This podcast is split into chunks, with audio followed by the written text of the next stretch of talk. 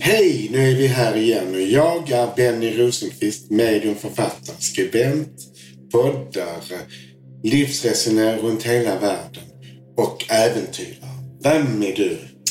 Ja, Helena Magdalena, hemmakatten. Nej, det är... Nej, Helena Magdalena, författare, föreläsare, medium, astrolog, poddare, eh, äventyrare, resenär. Ja, skribenter är vi ju också bägge två. Det är vi. Skriver ju för tidningen Nära. Och det är världens underbaraste tidning så den kan man ju faktiskt prenumerera på. Och där finns ju, om ni tycker om oss så finns vi där båda så då kan ni få mer utav oss. Och våra andra eh, kollegor som också är profiler på tidningen Nära. Det är en fantastisk tidning så den tycker jag ni ska läsa. Ja, och vi åker ju i oktober varje år på kryssning med tidningen Nära. Och där kan man också möta väldigt många likasinnade personer. Och det har- hittar ni också information om på tidningen Nära. Ja, och i- vad ska vi prata om idag Benny? Ja, jag tänkte någonstans att det är ju en fantastisk tid på det sättet att det är återföreningens tid. Att det betyder att många fler som är själsvänner ska hitta varandra. Och det kommer gå fort att man flyttar ihop när man väl träffas för man kommer känna att detta är rätt. För nu är det ju meningen att vi ska träffa de som utvecklar oss. Och det gör vår själsvän. Och kärleken är ju en stor läromästare. Men även kommer det söndra. Så den som ska separera gör det lätt också nu.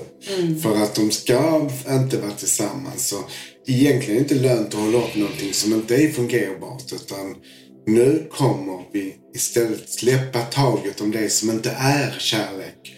Och gå in i kärleksfulla kärleks- relationer.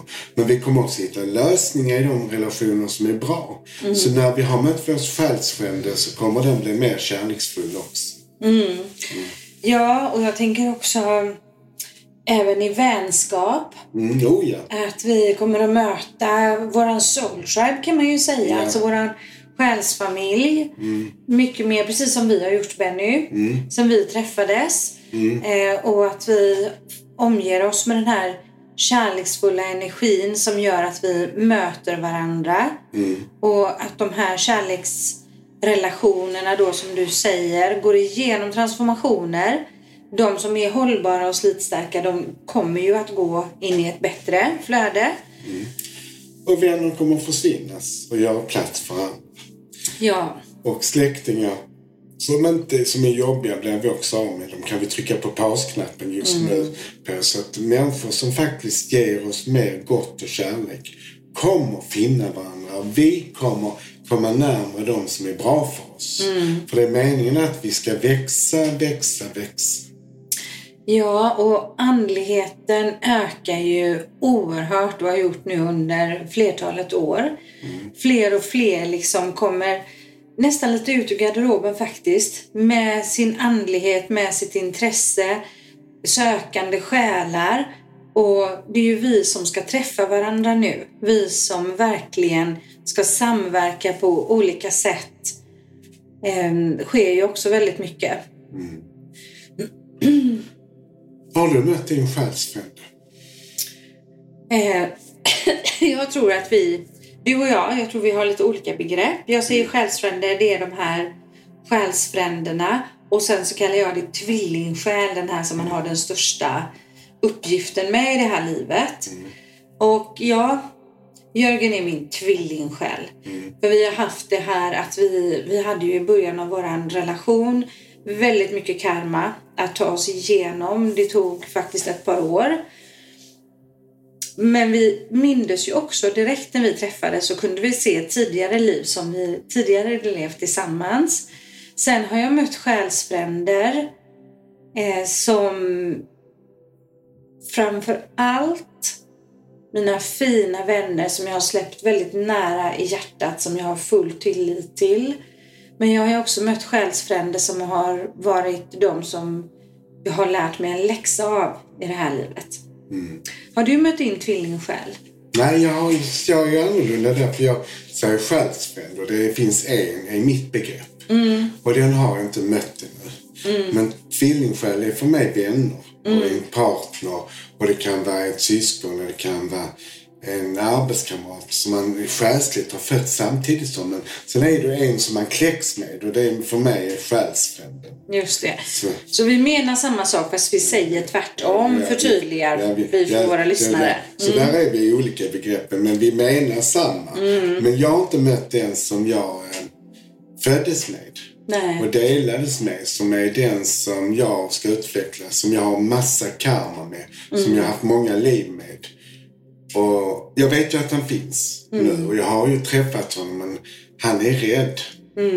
Och, men han blir bättre och bättre på att närma sig mig.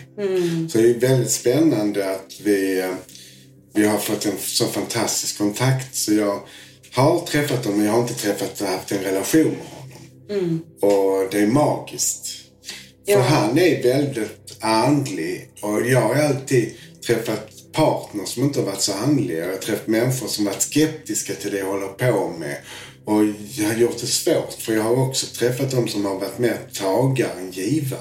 Mm. Så nu träffar jag en som är mer lik mig, som är intresserad av meditation och andlighet och eh, yoga och som är intresserad av det jag är intresserad av. Och det är ju, bara det är ju skönt att man kan skala av och vara sig själv. Mm, ja, verkligen. Det vet du ju om eh, din Jörgen. Ja. Mm. Att ni då har skalat av alla, alla... Det är ungefär som att komma nära en kärna istället med en gång. Man slipper allt det där komplicerade runt omkring i relationen. Utan man kommer nära och kan lösa problem tillsammans. Mm, precis. Mm. För det är ju ofta så att det är ju, enligt min erfarenhet får jag väl säga, det här just när vi möter den här som du kallar för själsfränden då och Mm. jag kallar för tvillingsjälen. Det uppstår ju rädsla. För det är ju så starkt, det är ju så kraftfullt. Man blir bländad. Man blir bländad så att då är Mm. det lättare att lägga benen på ryggen och dra. Det är ju så. Och många gånger så träffar du din själsfrände först en gång och sen så är man inte beredda på... Den ena är kanske fegare än den andra. Så tänker man, varför springer du ifrån mig? Det är vi som ska levas. Och så går det ett antal år och så träffas man igen. Och då är det färdigt för att man ska få till det. Så det är ju starka energier när man väl möter sin själsfrände. Och Ja, man vet ju det när man tittar dem i ögonen. att Där är du. Mm. Och man vill inte sluta titta den i ögonen. Och den kan man klara av att kommunicera telepatiskt med också. Mm. För den är ju inne på samma frekvens som en. ja, och det kan ju vara flera gånger som man möts och tiden är inte riktigt mogen. Någon är inte beredd. Den som blev rädd först, då kanske det är den andra som blir rädd i nästa möte. Så det är ju verkligen det är ju underbart att få uppleva det men det är ju också utmanande att, just som du säger, komma in till den här kärnan. Gå igenom den här karman som man har tillsammans. Och som det var för mig och Jörgen. Eh, vi började ju liksom se tidigare liv och andra livs erfarenheter. Så det blev, det blev väldigt stark kärlek men det var också mycket där vi utmanade varandra. I beteenden som vi har gjort mot varandra och så här. Så det tog två år innan det blev liksom en fredlig relation egentligen. För det var ganska mycket bråk i början och vi var väldigt olika. Men samtidigt är ni ju lika för moraliskt och känslomässigt lämnade ni inte varandra. Hur ni än mötte varandra så var det ändå att ni var kvar i det för ni ville ju reda ut saker. För det karmiska hade ni ju också gått ner nu för att göra upp med i detta livet. Ja, och vi lämnade ju faktiskt varandra. Det blev ju en separation. Efter, två år efter vi träffades så blev det fullständig kaos och separation. Och vi var väldigt arga på varandra och vi var väldigt sårade bägge två. Eh, Jag åkte till Grekland och Jörgen var kvar här hemma. Så det tog... Jörgen gick till mig. Ja, Jörgen gick till Benny. Benny, du, det var ju faktiskt så här, för det var ju en väldigt problematisk tid. Eh, och ehm, så då sa du till mig, skicka honom till mig så ska jag öppna hans hjärta. Så jag skickade faktiskt ben, eh, Jörgen till dig på våren på regnbågen. Eh, och du öppnade hans hjärta och då kraschade vi fullständigt. Och vi ville helst inte ha någon kontakt med varandra maj, juni, juli, augusti på tre månader. Och sen fick jag ett sms med en inbjudan då av Jörgen att kan du komma och hälsa på så kan vi äta middag. Och då, då var jag inte säker på det, så jag frågade vad vill du då? Vad vill du nu? Ja, vad vill du? Och han bara, det vet du. Eh, Så, men jag åkte dit, jag utmanade de här liksom alla jobbiga känslor och så kände jag det att vi kan ju aldrig gå tillbaks i en relation, vi kan ju aldrig gå tillbaks till någon. Utan i så fall så får man ju bygga upp en ny relation och starta på nytt. Eh, Så att vi, vi bestämde och sa det att vi, vi är inte i det här gamla och röjer runt i allt som har skett där utan då blickar vi framåt och så skapar vi en ny relation. Och det gjorde vi. Det är ju rätt så skönt. Men jag tror också att man måste ibland reda ut vissa saker för att kunna, för annars ligger det underliggande. Så ni var nog tvungna att gå igenom att stötta och söndra lite grann innan ni kan gå vidare framåt. Precis, det är ju så och det var väl det vi fick den här sommaren, de här tre månaderna. Att reflektera i lugn och ro. Eh, Så att jag reflekterade ju och han reflekterade och sen kunde vi starta på, starta på nytt. Eh, Så när vi möter när vi möter då det du kallar våran själsfrände, det kan ju ligga utmaningar i det. Att våga stanna kvar, att våga ta tag i, att våga reda ut och att våga vara sårbar. För det är en man- otroligt stark relation. Och man är ju sårbar i en sån relation. För man blir väldigt naken inför den som man är så nära. Och den går in i hjärtat utan att fråga om lov. Allting går ju väldigt fort när man möter sin själsfrände. För man blir ju utblottad, tycker jag, när man möter den personen. För den ser ju en på ett sätt som ingen annan gör. Den ser till och med sidor hos en som man inte själv visste, som den kan påpeka. Du har det och det och det att jobba med. För den vet ju att och sen är det ju det att alla de sidorna som du behöver jobba med har den personen och utmanar dig med. Ja, Så man får ju en spegling som är väldigt identisk vad man behöver. Så man speglar sig totalt i den som är ens själsfrände. ja och det är den här spelningen, eh, speglingen. Jag och Jörgen vi är dessutom födda i samma stjärntecken. Oh, Wow! Så dubbelt upp så får vi ju det bästa av varandra men vi får ju också våra baksidor. Mm. Så du vet mina de här hemliga vapnen, han har ju samma. Ja. Det är fuskigt tycker jag. Ja, jag tror det är väldigt, väldigt vanligt. Så jag har, det tror jag även om man inte får det i samma tecken. Att man har det som själsfrände. Så det, det hjälper inte men det kanske är dubbelt upp när man Ja. är det dessutom.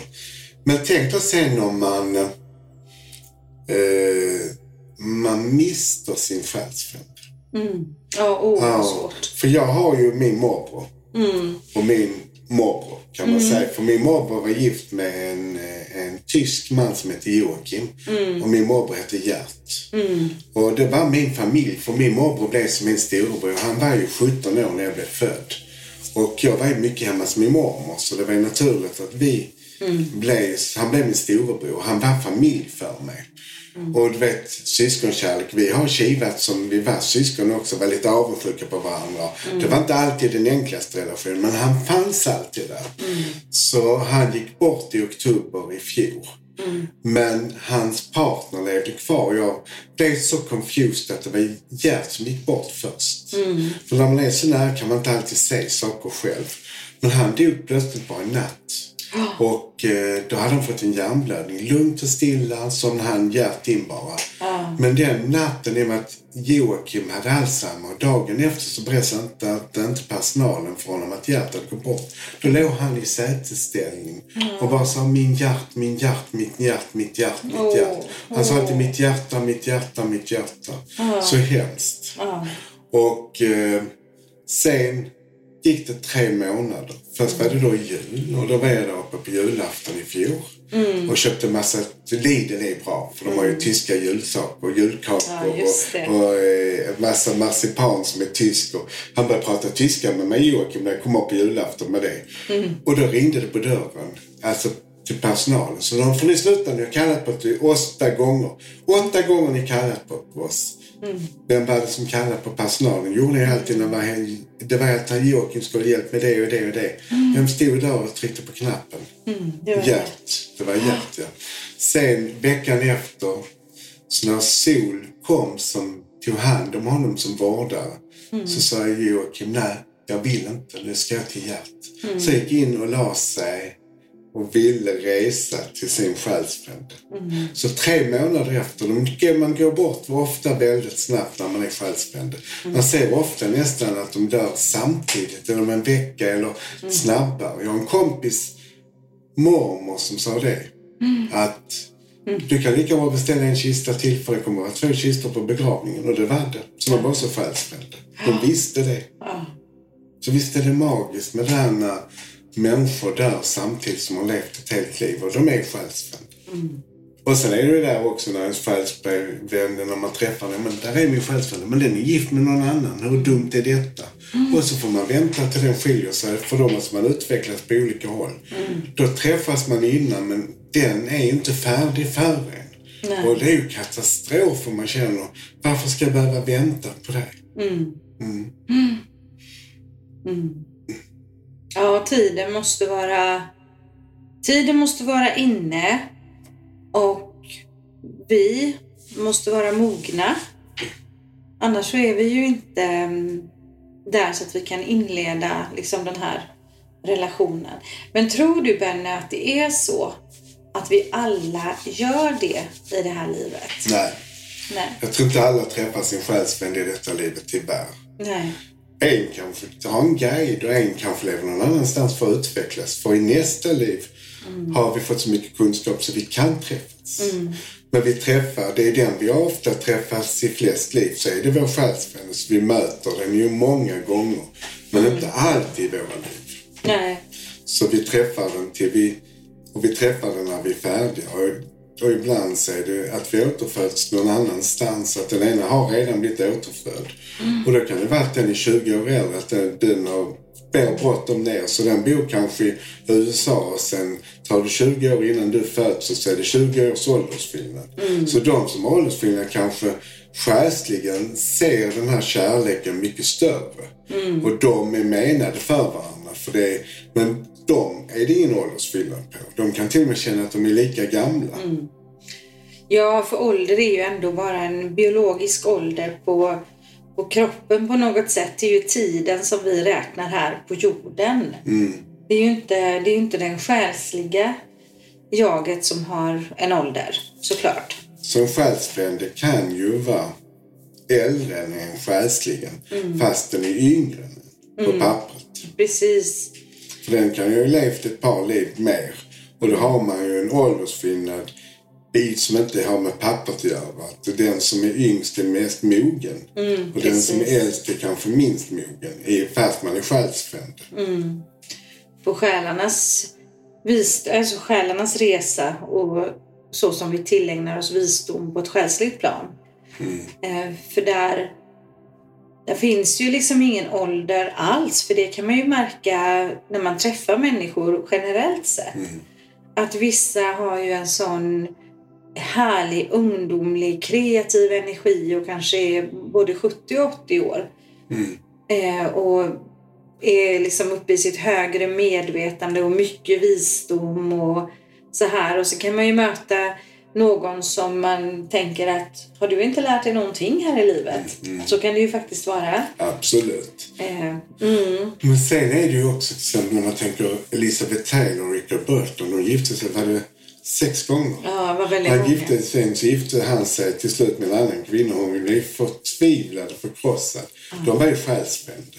Och det är hemskt när ens själsfrände går och gifter sig med någon annan kvinna. Ja, det blir jobbigt. Det blir jättejobbigt. Jag vet, jag vet innan jag och Jörgen separerade den här våren så sa jag det till honom. Ja, men eh, ska vi, ska vi göra slut nu liksom? Ska vi? Nej, så han det är ju ingen idé för vi blir ju bara ihop ändå. Mm, men det är sant. Ja, han visste det. Han, visste, det, att det är ja. ingen idé att vi separerar. Vi kommer ju ändå bli ihop igen. Mm. Det var, han var helt... Så han har varit så trygg i det. Jag har ju varit den som nej, tvivlat och sådär. Men han visste det. Att det finns liksom ingen återvändo. Eh, och jag har ju genom livet så har jag kunnat liksom blicka in i, på min livslinje så här. Eh, och emellanåt så har jag fått som en glimt av att det står någon och väntar. Det kan vara vänner som blir väldigt nära, djupa vänner. Eller så har det också kunnat vara en ny kärlek. Det är som att jag har känt en närvaro att jag är liksom inte färdig ännu, jag är inte framme utan det är faktiskt någon mer som jag ska möta i det här livet. Men sen jag träffade Jörgen, jag känner inte att det står någon mer där.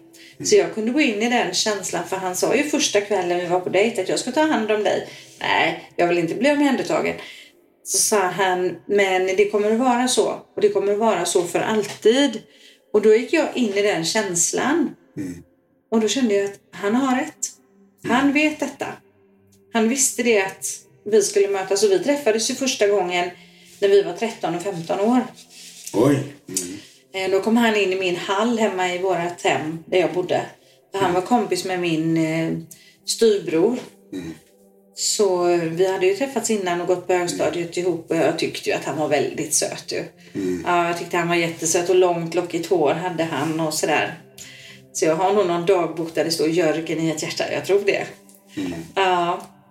Men sen skulle det ta så många år och så många äventyr, så många livsläxor för var och en av oss innan vi möttes. Och sen har ju han två barn. Och det är ju också ett sånt där själsligt möte som man har bestämt innan. Att eh, det här att få bonusbarn om man säger. Och hans son är ju väldigt lik två av mina döttrar. Och, och hans dotter är mer lik en annan av mina döttrar. Så det är ju liksom inte bara vi som har det här karmiska i detta livet utan det är ju faktiskt våra barn också. Mm, ja, och de är ju nära varandra. Mm. Så ni- det är ju fantastiskt att ni har fem barn tillsammans. Ja, en hel klan. Ni får ett större hus. Ja, för det är vi- många barnbarn. Ja, precis. Och de har ju, det är ju så att vi har ju oftast träffats de vi har nära och som familj, bonusfamilj också. Så ofta kan man ju ha varit mamma till sitt bonusbarn eller det kan vara en pappa till en eller en, en mamma eller en syster som man får som bonusbarn. Så man kan få det ganska jobbigt också med bonusbarnen för det kan ju också slit, slitas och nötas också på ett speciellt sätt. Ja, det är ju inte helt lätt Nej. att ta till sig andras barn. Ehm, Det kanske är lätt att ta till sig dem i hjärtat men sen har man ju andra värderingar kanske gentemot vad de andra föräldrarna har. Det är som att titta på med händerna på ryggen för det går inte att träda in och ta fullt ut en föräldraroll utan man får vara som en bonus att finnas och att, att barnen liksom verkligen känner att man finns där för varandra. Sen vet jag många föräldrar som också är- tycker det är jobbigt att lämna från sina barn till en ny förälder. Att man har träffat eller kvinnan har träffat en ny partner. Och jobbet är att det ska fungera, att det är en snäll människa som kanske f- gör barnen väl, så att säga.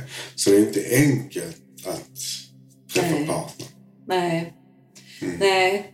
Och det är ju också väldigt mycket erfarenhet, tänker jag. Om man tittar på hur familjer ser ut. Med det här, man kan, jag kallar det för stjärnfamiljer då. Just det här att det finns dubbla föräldraskap och lite olika så här. Och mm, det gör ju att många barn har ju många vuxna i sitt liv. Och kan gå som du säger mellan den ena familjen till den andra.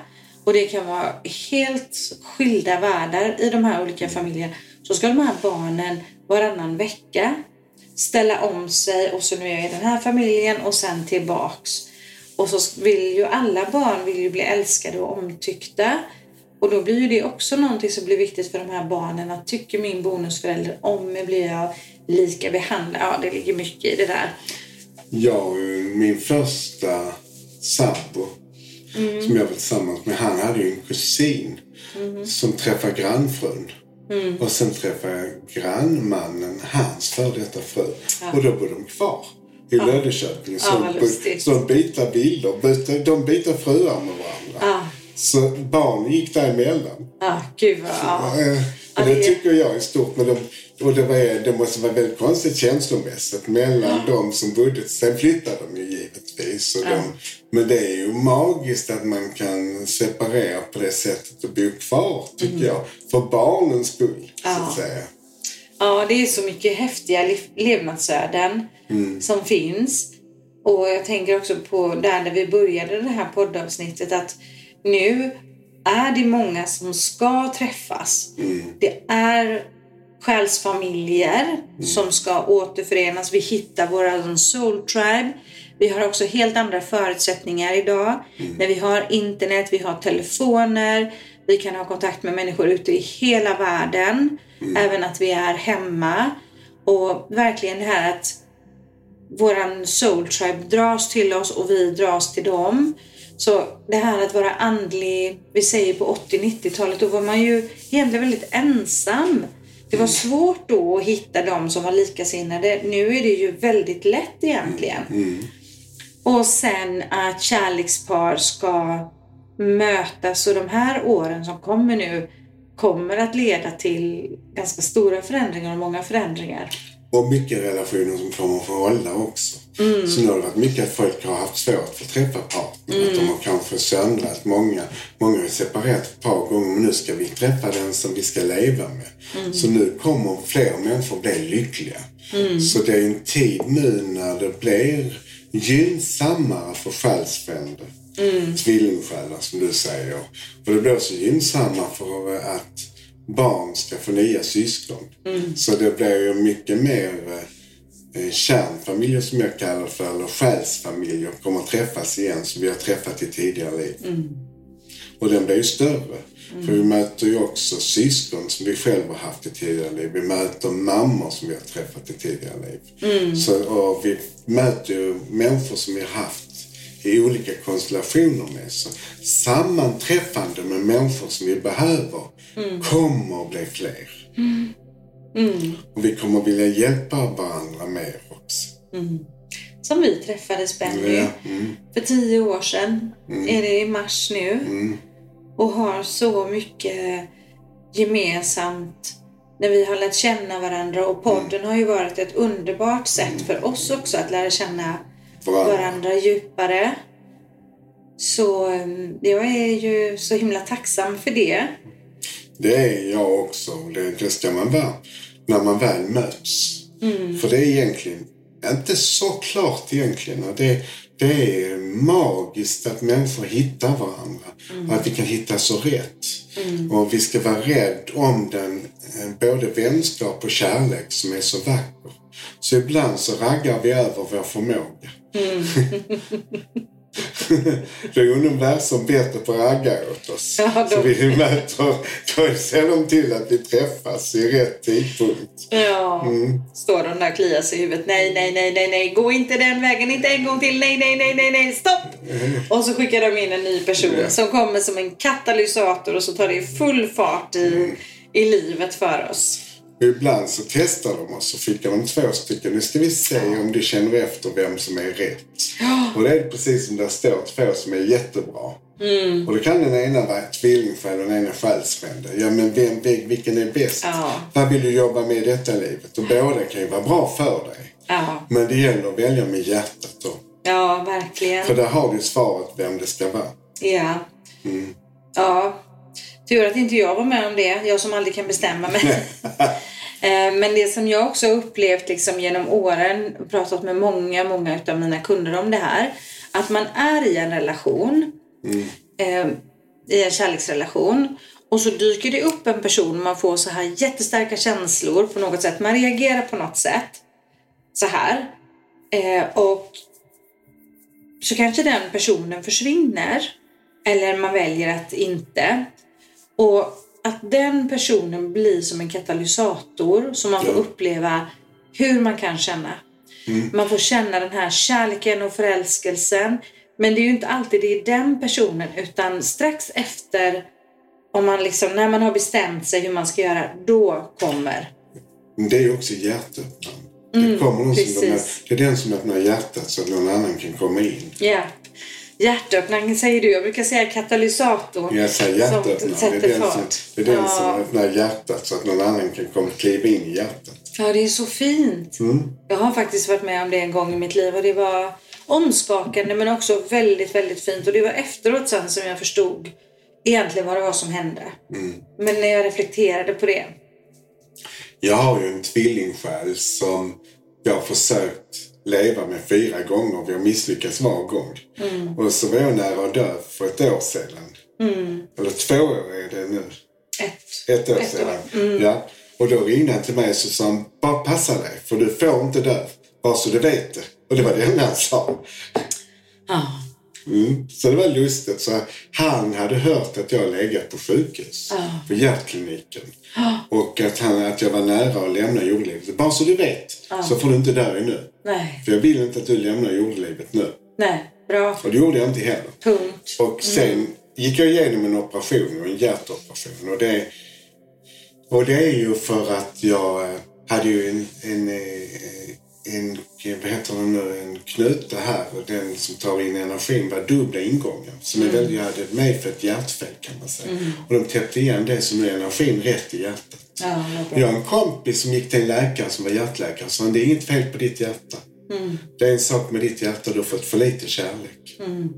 Så det jag kan göra ont i hjärtat när vi blir älskade för lite. Så viktigt det är Ja, oh. och, när vi...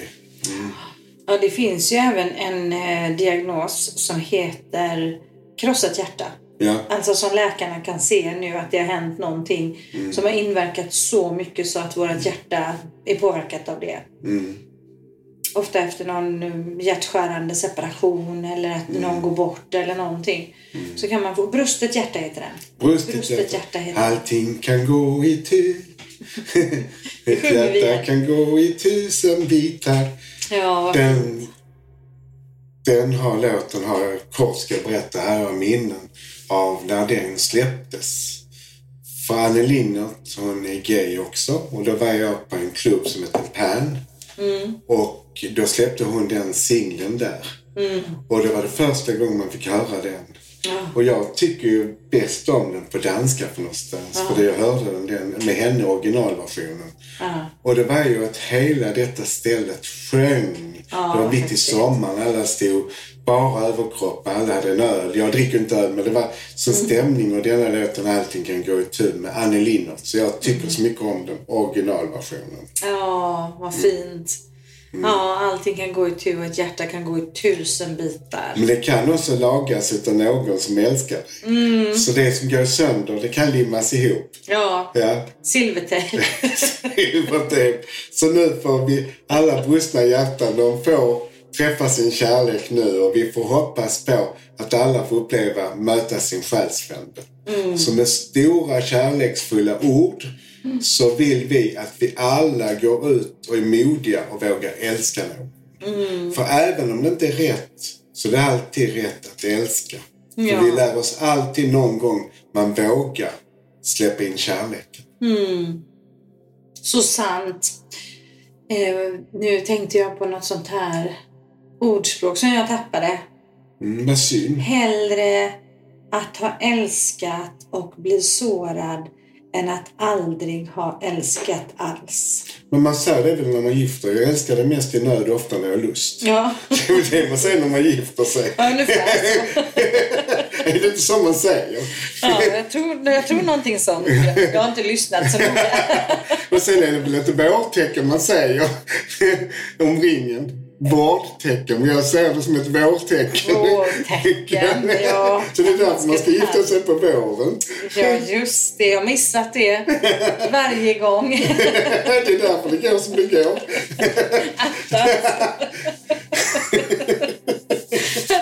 Ja, jag gifte mig första gången. Ja. 8 i 8 98, fullmåne i Vattumannen. För jag valde fullmånen för då brukar det vara högtryck och det brukar vara sol.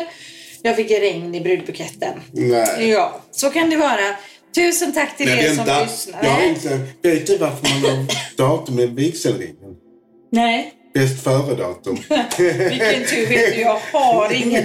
Jag har inte hunnit göra, jag har inga datum. Vad bra, vilken tur! Det är därför du ser så snygg ut. Ja, vi fortsätter i nästa liv. Puss och kram, Puss ta och hand om kram på dig. er. Hej då!